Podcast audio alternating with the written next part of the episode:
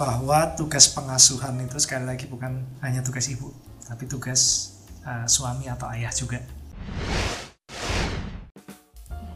Terima kasih sudah melakukan yang terbaik setiap hari. Kamu hebat. Sarang ya. Ngomong-ngomong, hmm. ngomong bahas apa nih? Ini biasanya kita kan kopinya panas. Hmm, kopinya dingin. Supaya kepala kita dingin, kita minumnya kopi dingin. Oke. Okay. Halo. Oke, okay. halo semuanya. Welcome to Kopi Panas Kongko Pagi. Bersama Papa Aji, Mama Analisa.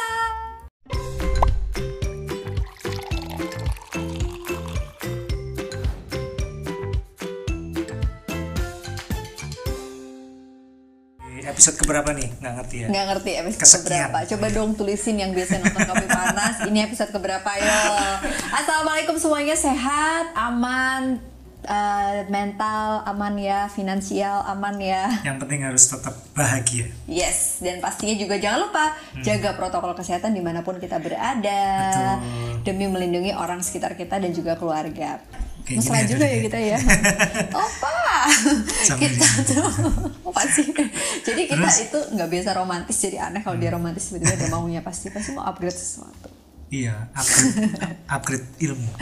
Nah, ini tuh kayak banyak yang request tentang Bana share dong tentang parenting untuk anak. Mm -hmm. Kok bisa sih Rafa sama Nasya itu bahasa Inggrisnya lancar banget? Gimana Bapak? Uh, karena bapaknya bahasa Inggrisnya bagus banget. Oh, internasional. Ya kan? International, so international. Adalah kita yang suka kadang-kadang itu di dibenerin sama anaknya gara-gara Padahal dia tuh, kita di imigrasi aku sih mm-hmm. kalau di imigrasi mau ke mana ke Singapura aja udah pucat nanti ngomongnya gimana ya nggak kita sebenarnya tuh uh, basicnya sebenarnya kita bisa gitu ya cuma karena lama nggak dipakai yes. terus kayak pronunciation kita itu kan uh, lidah-lidah Jawa Inggris ya jadi mohon uh. maaf dulu gurunya hmm. guru orang Indonesia ternyata yes. beda banget hmm. anak-anak ini dari kecil gurunya udah langsung native Nah, kita bakalan sharing tentang pengasuhan anak selama pandemi, parenting during this eh, pandemic. Nggak spesifik masalah bahasa Inggris Nggak ya? spesifik karena sebenarnya itu bukan spesialisasi kita ya, takutnya hmm. salah juga. Hmm. Cuma salah satu dampak positifnya adalah selama pandemi ini tuh anak-anak apa aja sih mas menurut kamu hikmah satu setengah tahun ini kita di rumah aja? Uh, yang pasti sebenarnya jujur aja lebih nggak banyak nggak enaknya daripada enaknya? Pasti, pasti. tapi kita kan lihat the tapi kita silver tetap, lining. Nah kita tetap harus bisa bahagia harus bisa mengisi waktu melakukan hal-hal positif dalam keadaan apa pun termasuk pandemi. Ya benar. Dan salah satunya sih kita ngomongin parenting ya nggak ada yang ideal sebenarnya. Semua teori pengasuhan yang kita punya sebelum pandemi, bahkan yang aku pelajari, itu kayak jadi nggak relate lagi gitu. Bubar semua. Misal jam gadget anak, durasi screen time, uh, waktu untuk mereka biasanya apa main ya keluar lah main ini. keluar aktivitas motorik hmm. yang secara fisik mereka kan lagi butuh juga ya sebenarnya itu yeah. kan iya. lagi nggak bisa tapi apa pun itu kita sebagai orang tua harus bisa apa ya mas kayak mensiasati supaya tubuh kembang mereka tidak tergang, terhambat karena pandemik yang ingat nggak zaman awal-awal pandemi? Kita tuh kan pas sebelum pandemi menjelang hmm. pandemi kita tuh baru apa ya sama anak tuh baru disiplin banget dan itu kita baru berhasil kan. Iya, kita mereka lepas, lepas gadget. gadget, terus ada kegiatan-kegiatan di luar sekolah, ada les basket, basket lah, tenis, ada bahasa, bahasa dan Inggris, sebagainya gitu. Itu mereka kan udah disiplin banget kan. Tiba-tiba pandemi datang. Yes, itu nggak ideal sih. Nggak ideal. Tapi awal-awal kita masih ini kan. Masih okay Nanti siapa tahu masih ada fotonya kita tampilin nih. Kita yeah nyedi nyiapin mainan papan buat tulis, ah papan tulis Montessori playing apa sih semuanya yes. tuh aku ya namanya juga ibunya belajar psikologi nah. jadi terlalu ini banget awalnya dan kita seneng ya karena yeah. efeknya sebelum pandemi hikmah hmm. kita tertib untuk screen time yang kita batasi hmm. stimulus yang kita beri juga kita jaga banget itu apa mas Nasya bisa baca tulis ya itu kaudarullah ya karena yeah. Allah juga eh, empat uh, tahun ya dia bisa baca yeah. ya Terus bisa baca Rafa lima tahun ya, Rafa hmm. karena mereka hampir bareng. Hampir banyak. bareng. Tapi anak cewek kan emang penelitiannya sampai kelas 3 SD tuh perempuan lebih secara kognitif, sosial, emosi, bahasa lebih bagus. Makanya temen SD itu biasanya kalau ranking satu, ranking satunya pasti cewek. Cewek. Nanti kelas ah. 3 baru muncul juara kelasnya cowok-cowok. Ah, gitu. Tapi emang itu dari setnya. Kita ah. juga ngeliat ke dua anak kita bedanya itu ya. Iya kalau Rafa lebih ke motoriknya. Nah, hmm. ngomong-ngomong soal mereka udah bisa calistung hmm. gara-gara kita lepas gadget itu. Jadi ngomong-ngomong teman-teman, sebelum pandemi memang kita tuh udah men-set itu semua. Nah, waktu itu sempat khawatir nggak sih Mas kayak wah nanti pola yang kita udah buat sebelum pandemi bubrah dong karena Ya. anak sekolah di rumah udah pakai gadget Hmm. terus kita nggak mungkin nemenin mereka main juga Mm-mm. apalagi ya mereka nggak mungkin keluar rumah Ya. Akhirnya sempat kita kalau ditanya satu hari lebih dari lima jam mereka pakai gadget Kayaknya lebih sih. Cuma dulu awal-awal bisa nih kita Iya, alin ke yang lain-lain. Lama-lama kan kita capek juga. Anak-anak juga bo- bosen juga. Kalau kita suruh beliin mainan baru terus juga boros juga boros juga. Jadi akhirnya kita Ya. berdua sepakat untuk membuat pola pengasuhan yang eh, selama pandemi ini bagaimana membuat anak bisa memanfaatkan teknologi bukan dimanfaatkan teknologi. Itu dia. Nah. ya walaupun mungkin belum sempurna juga belum ya. sempurna juga. Ini sambil juga aku pengen tahu cerita para parents juga gitu ya. Kita belum lama tuh kerjasama dengan sebuah brand. Kita ngobrol tentang parenting dan kita disebut sebagai parenting influencer. Wow, profesi baru. profesi baru ya pelantikan dulu pak jadi kita nggak sadar nih mas bahwa ternyata aku sering posting tentang pengasuhan anak ini tuh menjadi inspirasi untuk para orang tua muda juga. Karena aku selalu bilang kita tuh bukan orang tua yang sempurna tapi kita sama-sama mau belajar dan berproses bersama. Kalau bisa dikatakan nih ya eh, sebelum pandemi tuh aku tuh sering banget keluar kota. Ya. itu disebut sebagai helikopter parenting. Ibaratnya kamu lebih baik di rumah. Tapi aku yang aku senengin selama pandemi ini aku bisa beneran nggak ninggalin mereka sama sekali. Dulu yang kamu pengen itu kan. itu yang aku pengenin. Makanya aku nggak mau ngeluh di bagian soal Walaupun parenting ya. juga. ya ada lah. Maksudnya ngeluhnya nggak boleh lama-lama gitu. Iya. jadi akhirnya kita gimana sih mas? Membuat rules apa? Inget nggak awal pandemi kita bikin kesepakatan yang MOU jadwal anak Ah iya iya jadi inget. Kita nulis di papan kan. papan tulis Ya, ditandatanganin sama ditandatanganin kan bingung ya akhirnya kita bikin anu, Jadwal. jadwal schedule Jam segini harus gini, jam segini Yes. harus gitu. mereka boleh main gadget tapi mereka harus sekolah dulu Ya. ada ngajinya begitu azan langsung Sholat. sholat. dan aku tuh emes pada saat kita lagi nggak di rumah pulang ke rumah tuh mereka lagi imaman berdua Ya. itu tuh sangat-sangat bikin jadi nyes gitu Yes. dan itu satu hikmahnya terus yang kedua eh ini sih anak-anak memang terus terang eh, jadi banyak banget screen time pakai gadget. Cuma dari awal kita kasih rules ya ke mereka Ya. bahwa tontonan yang boleh ditonton eh, jenis-jenis ini. Nah ini kita bicara tadi kan kayaknya anak kita yang baru nonjol bahasa Inggrisnya nih. Dulu kita ingat nggak? Kita kasih syarat boleh nonton apa pun asalkan yang bahasa Inggris. yes betul Apa pun tuh yang buat anak-anak ya pastinya. Iya, dan itu nyambung ke email aku. Jadi YouTube Ya. mereka tuh harus connect sama email orang tuanya. kita selalu kalau kita ada di rumah juga kita selalu cek mereka nonton apa kalaupun enggak kita review tuh tiap Notifnya. kita pulang Yep. Historinya dia nonton apa aja. Ini kita Iya. harus selalu awasin Karena susah. Kalau misalnya nih ya, aku Hmm. pernah nyoba, oke coba cari, ada nih Bluey, ada nih Peggy, apa yang Pe- Peggy Peggy apa, Hmm. itu mereka bilang, mami they're not so apa ya dia bilang so baby. We are Hmm. not baby anymore. Jadi katanya tayangan yang aku pilih tuh sangat baby banget. Mereka udah nggak interest. Iya, itu susahnya. Karena sepupu juga umurnya di atas mereka. Ya. Yang ditonton kakak sepupu biasanya jauh lebih menarik daripada yang dipilih mamanya. Yes. Ya udah, jadi akhirnya kita bebasin, kita tapi bebasin tapi dengan ada rules ada batasan-batasannya iya ya kan bener. dan yang pasti kita nggak pernah lupa nih ngajak mereka ngobrol itu kayak kayak orang gede yang udah ngerti eh, aku jadi pengen selalu ngomong itu kita juga. ngomong bahwa kak ini nanti Caca Rafa eh, kalau pandemi udah nggak ada kalau coronanya udah nggak ada udah nggak boleh gini lagi loh oke pak Ya, Nah, gitu. ya, oke, Pak, terus terus apalagi kalau Meskipun dia nggak tahu ya memahami itu sebagai sebuah hal yang seperti apa, tapi itu harus kita doktrin terus. ya gitu. kita doktrin terus supaya melekat nggak tahu berhasil atau enggak tapi so far kemarin kita evaluasi kita ke Bali Ya. berhasil ya ternyata Iya, mereka beneran bisa jauh lebih banyak aktivitas Iya. motorik ya karena sehari mereka renang tiga kali kan ya angkat udah mateng semuanya. Tapi aku gini sih mas. Uh, selain itu kayaknya yang perlu kita coba pengen share ke para parents nih ya semoga bermanfaat juga.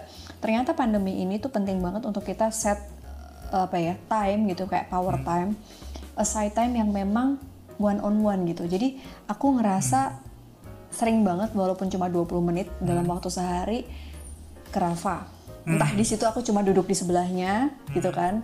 Walaupun mungkin misalnya cuma tikel dia gitu ngelitik-ngelitik dia atau sekedar kayak nanya kakak main apa terus dia cerita tentang gedung yang lagi dia bangun di, Di game Minecraft. Minecraft, gitu. Sampai tadi malam dia ngomong gini waktu mau tidur tuh. Dia bilang dia kalau udah gede intinya pakai bahasa Inggris itu ya. Intinya dia bilang pengen mamanya nggak bisa ngomong.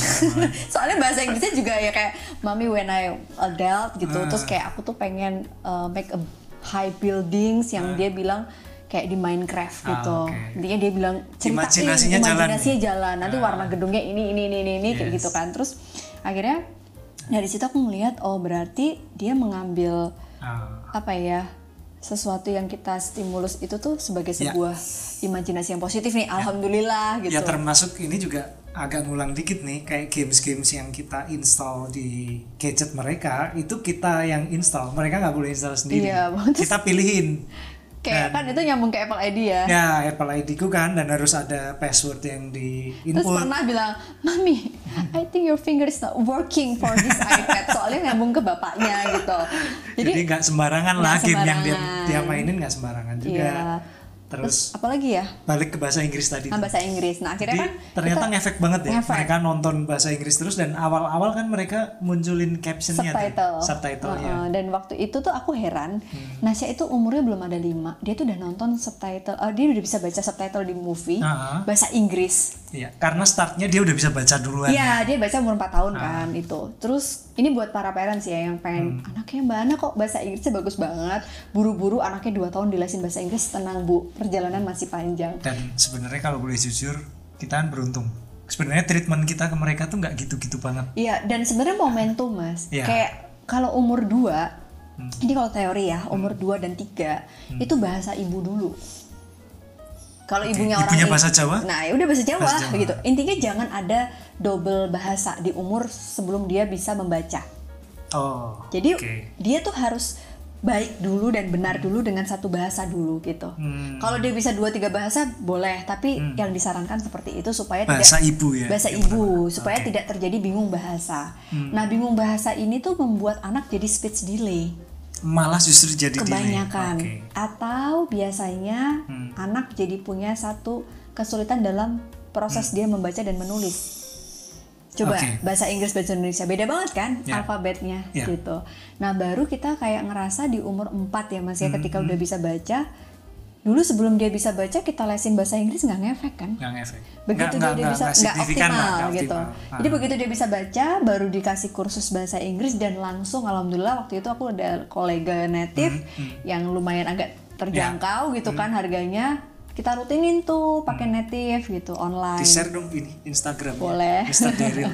Jadi waktu itu itu teacher aku sih sebenarnya dulu waktu Ah. di salah satu English course yang aku ikutin dia udah 10 Hmm. tahun berpengalaman di situ dan dia akhirnya uh, bikin sendiri Hmm. online course gitu untuk anak-anak. Dan ingat nggak mah Mhm. waktu itu kan kita salah satu sa- mereka kan main game juga nih. Mhm, Salah satu syarat dari kita mereka boleh main game, mereka harus Ngomong. ngobrolnya satu sama lain harus bahasa Inggris. Pertama sama kita dulu, Ah. walaupun kita berdua sebenarnya juga Jawa English tadi gitu kan. Tapi at least ternyata kita praktis juga ya mas. Ya, kita jadi improve juga loh gara-gara gitu, anak-anak. gara-gara ini bahasa Inggrisnya biasanya cuma buat dulu zaman sekolah, sekarang jadi kepake. Nah, ada momen yang kita punya aturan rulesnya habis maghrib kalau kita udah ketemu papa mama pulang kerja, Hmm. Oh iya, awalnya itu ya. harus bahasa Inggris. Mulai jam sekian sampai sekian itu jam English time. English time itu kita lakuin berapa bulan Hmm. cukup efektif sampai akhirnya sekarang mereka ngobrol bahasa Inggris tuh tanpa kita minta Full satu hari mereka. kadang-kadang kayak hah terus eh, pemahaman bahasa Inggris yang mereka punya itu bukan sekedar pemahaman yang hafal kayak kemarin Jadi kayak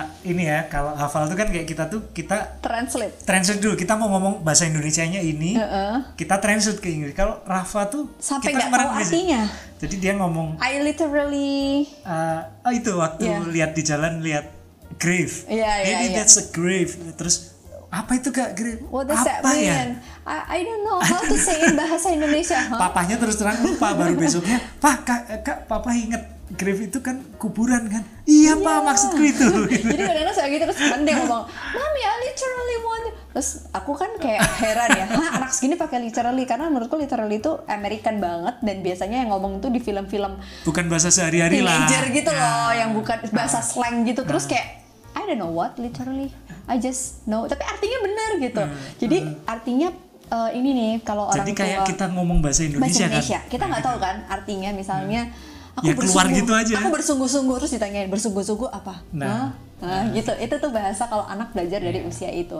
Jadi parents, uh, parenting during this pandemic itu bisa kita jadikan momentum untuk Ber- apa ya? berkreasi kita berkreasi, cara momentum. ini Selain bahasa Inggris juga, oh Al-Quran. Iya. Sebelum mereka kita kenalkan bahasa Inggris, kita berdua sepakat Al-Quran dulu, ya nggak sih? Ikronya selesai dulu. dan terutama aku ya waktu itu ya. Prinsip banget mending anakku nggak bisa bahasa Inggris tapi bisa ngaji. Yep, dan itu daripada bahasa Inggrisnya bagus nggak bisa ngaji. Masya Allah Bapak.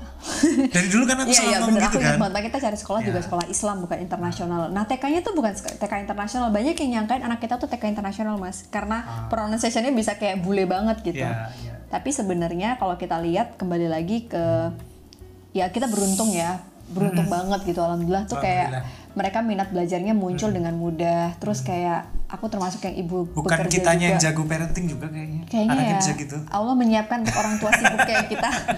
Jadi, tapi tips ini semoga membantu ya Ya. parents. Nggak bermaksud menggurui, tapi juga ini bisa jadi berba- apa satu ajang kita berbagi. Dan yang paling penting adalah pandemi ini dalam pengasuhan yang paling aku rasa ini, Mas. Hmm. Kita mengajarkan anak untuk mandiri. Hikmahnya apa?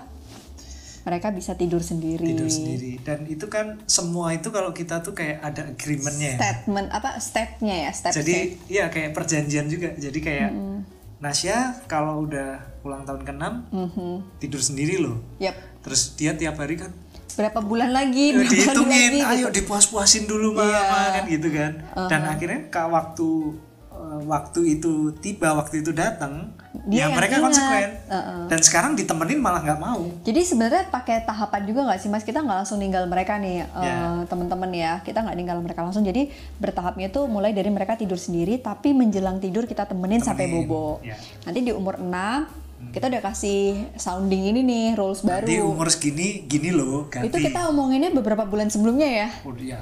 Kayak- mungkin sekitar setengah tahun sebelumnya Iya. udah kita udah Dan dia ya. tuh kayak menghitung bulan, menghitung hari sampai pada the day-nya eh, dia ulang tahun. Terus dia kayak sadar dan oke mami bahkan kalau udah jam dia tidur kita nggak boleh nemenin lagi. ya terutama Nasya yang terutama paling konsekuen Nasya just want to hug you, kiss you, and I love you. Terus mamanya pergi. Walaupun kadang sesekali kalau jam-jam subuh itu mereka tanpa sadar jalan pindah ke kamar kita. Dan kadang-kadang mamanya yang kangen karena seharian kerja sampai malam aku yang kadang-kadang suka dulu kalau udah tidur aku di sebelahnya gitu.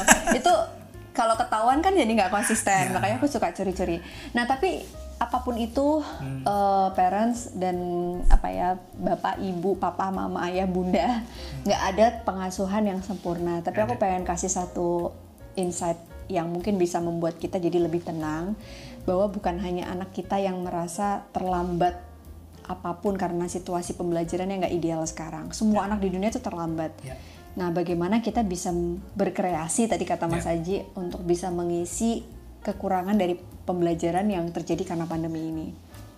bener banget jadi eh, walaupun susah dan ya alhamdulillah sih kita bisa ngejalanin ya Mhm. jadi dengan segala keterbatasan itu kita harus eh, cari cara lah ibaratnya kan apa pun itu seberat apa pun pandemi ini jangan dijadikan alasan anak kita untuk tidak berkembang. Yap, betul. ya kan? Karena tanggung jawab pendidikan anak itu prinsipnya bukan di sekolah. Dan bukan hanya tugas ibu, itu salah kaprah. ya tapi, Tapi lingkungan tugas- keluarga kita secara utuh. terutama ya bapak sama ibu harus hadir. Hmm. asah asih dan asuh aku sering mendengar. Asah itu kita mengasah menstimulus dia memberikan support kayak tadi mainan buku dan lain sebagainya. Ya. Asih itu kita mengasihi dengan Ya. kasih sayang kehangatan asuh itu kita kasih makan kasih eh, sandang pangan papan lah gitu nah itu kan berdiri dalam sebuah kesatuan tumbuh dan kembang anak jadi semoga pandemi ini justru membuat kita jadi lebih aware terhadap aspek-aspek penting dalam tumbuh kembang mereka. walaupun memang itu berat banget ya Pak. Banget teori kadang dulu tidak. kan sekolah enak ya pagi tinggal bangunin siapin anak-anak antar sekolah beres kita bisa bisa ngapa-ngapain ngopi, bisa ini. Sekarang kayak harus nemenin. sekarang full sampai siang eh, mereka selama sekolah kadang nggak didampingin tugasnya nggak jalan Dan nih kadang-kadang aku satu handphone uh, meeting tim, satu zoom Nemenin. anak gitu. Jadi kadang-kadang sambil membagi konsentrasi dan Iya, itu ya sesuatu yang harus dinikmati, disyukuri ya.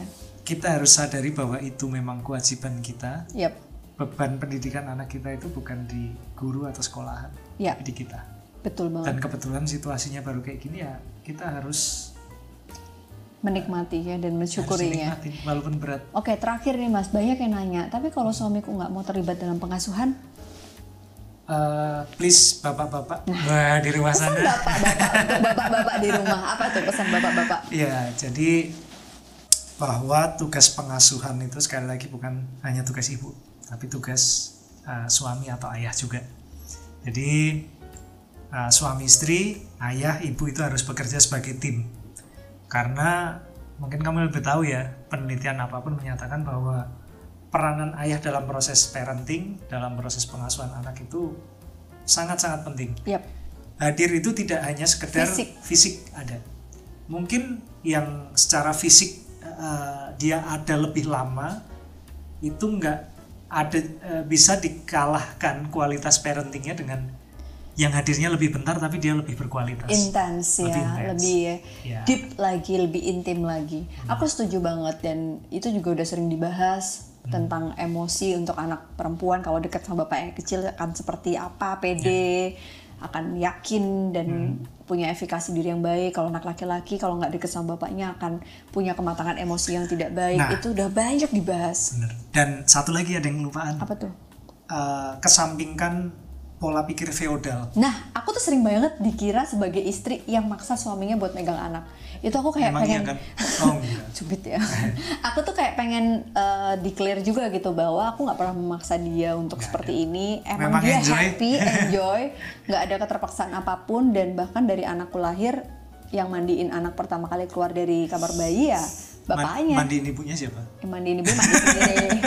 Karena itu kan aku operasi jadi semua Iya, jadi hilangkan perasaan itu bahwa oh gitu, itu kan kerjaan ya. cewek ini ini ini enggak lah sama aja. Yep. Dan bahkan kan dulu tuh kita pernah punya ini ya punya driver yang kita rencanain buat Antar antar jemput anak karena mungkin dia eh, ngerasa kasihan lah sama aku ada kesibukan ini itu kerjaan keganggu. Jadi kayak gimana ya di sekolah anakku tiba-tiba ibu-ibu ini ada bawa bapak satu kan aku kayak kepikiran nih Iya. ibunya ke mana gitu kan. Tapi- Ternyata nggak mau itu kita cuma berapa minggu doang Iya, kan dan itu nggak jalan. Satu nggak nyaman, Nah. yang kedua kayak ngerasa nggak aman kalau aku ya kayak Iya. dikit-dikit aku gimana udah dijemput belum kan bukan orang yang dekat sama kita kecuali Hmm. kalau masih keluarga. Jadi akhirnya ternyata Mas Haji menikmati Iya. anak-anak Ternyata aku malah ada itu malah kehilangan ngerasa kehilangan. Sekarang ya, momen Nah, itu ya, nganterin Enggak waktu sekolah. itu waktu Oh, tadi di driver. tackle driver itu jadi ngerasa kehilangan. Ternyata menikmati gitu loh. Hmm, benar-benar. Jadi ya dengan adanya pandemi ini juga aku tuh ngerasa kehilangan banget momen-momen itu. Ya udah ayo anterin sekolah. Mumpung sekolahnya kosong kan malah. Iya, malah gak ada siapa-siapa. Cuma nganter, habis itu dada-dada lihat-lihat terus balik lagi. Oke, mungkin ini sharing kita berdua yang semoga bisa menjadi inspirasi buat para orang tua muda di Indonesia. Waduh, kayak apa aja ya. Yang pasti ambil yang bagus, yang nggak bagus jangan diambil. Betul banget. Udah gitu doang. Gitu doang. ya udah itu Ngopi aja dulu kita. kita ngopi dulu biar kepalanya gak dingin. Tetap jaga kesehatan fisik, mental dan apa pun kondisinya. Jangan lupa stay positive and stay safe everyone. Bye bye. Bye. Assalamualaikum. Assalamualaikum.